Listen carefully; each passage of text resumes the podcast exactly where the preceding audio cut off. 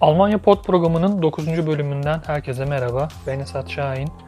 İlk olarak küçük bir düzeltme yapalım. Geçen haftaki bölümü 9. bölüm olarak duyurmuştuk. Aslında 8. bölümdü. 9. bölümü şimdi kaydediyoruz. Bu bölümde ele alacağımız en önemli konu Almanya'daki koronavirüs vakalarında yaşanan gelişmeler olacak. Bunun yanında koronavirüs aşısının Almanya'da yine önemli bir gündem olarak ön plana çıktığı görülüyor. Yine virüsün yayılmasını önlemek amacıyla Kasım ayından itibaren alınan önlemlerin ne kadar uzatılacağı, ne zaman biteceği veya önlemlerin genişletilip genişletilmeyeceği konuları konuları da gündemde yoğun bir yer tutuyor. İlk olarak koronavirüse dair güncel rakamları sizlere aktarmak isterim. Almanya'da Robert Koch Enstitüsü'nün verilerine göre son 24 saatte 21 binin üzerinde vakalar tespit edilmiş durumda. Böylece Almanya'da ülke çapında koronavirüse yakalananların sayısı 1 milyonu aşmış durumda.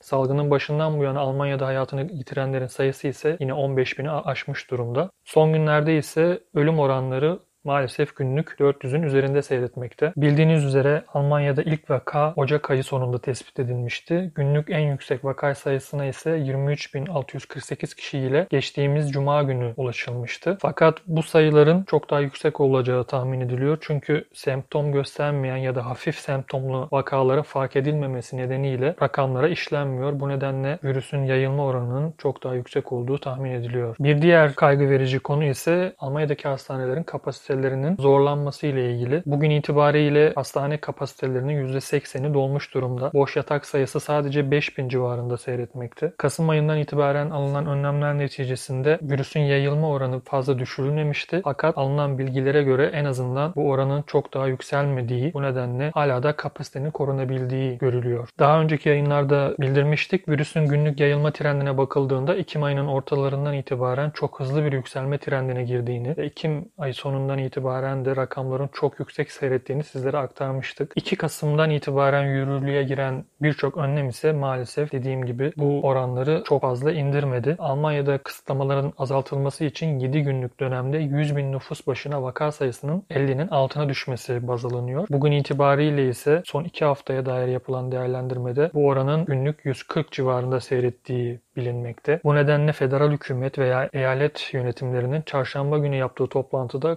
kısıtlama önlemlerinin Noel öncesine kadar uzatılması kararlaştırıldı. Almanya Başbakanı Merkel konuyla ilgili yaptığı açıklamada maalesef önümüzdeki ayların daha zorlu geçebileceğini bildirdi. Merkel yaptığı açıklamada önlemlerin gevşetilmesinin şu an için mümkün görünmediğini ifade etti. Yine alınan bilgilere göre Merkel'in bu kısıtlamaları Ocak ayının ortasına kadar uzatmak istediği biliniyor. Hatta Başbakanlık görevlilerinden Helge Brown yaptığı açıklamada bir gazeteye verdiği demeçte kısıtlamaların bütün kış boyunca sürebileceğini ifade etti. Çok zorlu bir kış dönemi bizi bekliyor. Bu da bildiğiniz üzere Mart ayına kadar devam ediyor gibi bir ifadede bulundu. Buna göre kısıtlamaların Mart ayına kadar devam edebileceği tahmin ediliyor. Koronavirüse dair bir diğer önemli konu ise koronavirüs aşısının ne zaman Almanya'ya geleceği ve ne zaman insanlara uygulanacağı konusu. Son olarak Almanya Sağlık Bakanı Jens Spahn koronavirüs aşısı ruhsatının şu anki gidişata göre Aralık ayı ortasında çıkacağına inandığını ifade etti. Spahn yaptığı açıklamada koronavirüs aşısında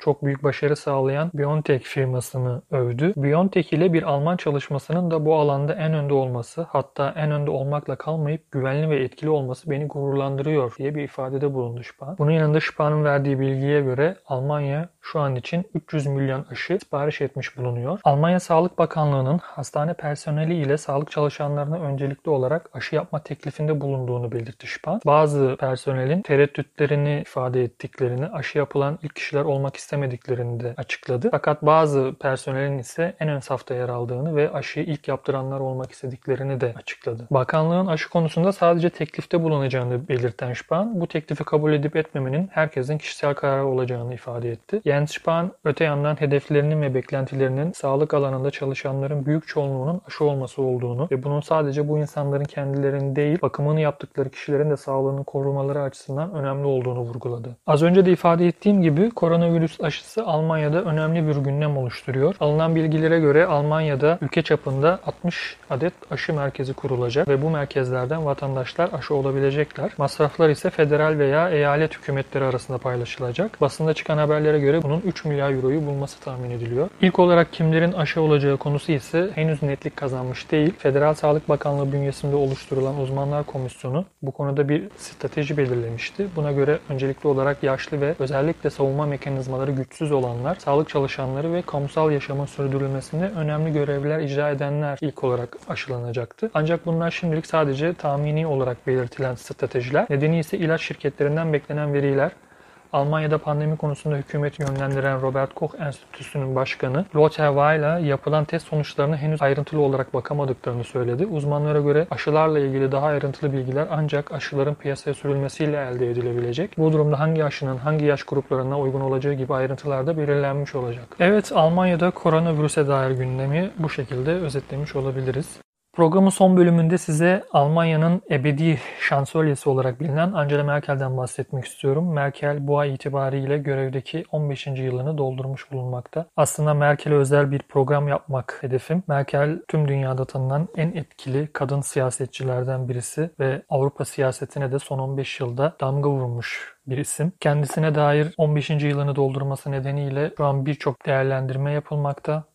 Bu değerlendirmelerde en çok ön plana çıkan konunun Almanya'nın dünyanın en büyük dördüncü ekonomisi olmasını sağlaması. Bunun yanında dünyanın en büyük ekonomik birliği olan Avrupa Birliği'ne de dolaylı olarak Almanya'nın uzun süre liderlik etmesi gibi başlıklar önemli yer tutuyor. Birçok yoruma göre Avrupa Birliği içinde onun istemediği hiçbir düzenleme yapılamadı. Zora düşen ülkeler, bankalar, firmalar çareyi hep onunla görüşerek bulmaya çalıştı.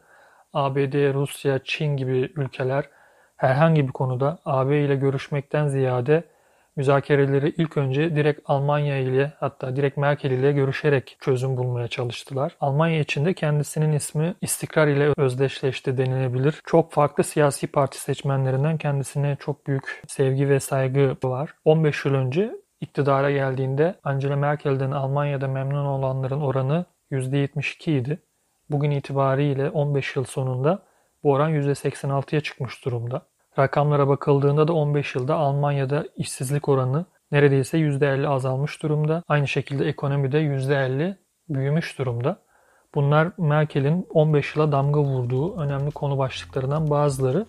Dediğim gibi bu konuyu özel bir bölümde Merkel'in 15 yıl başlığı altında değerlendireceğiz. 9. bölümü bu şekilde tamamlamış olduk. Dinleyen herkese çok teşekkürler. Herkese güzel bir hafta dilerim.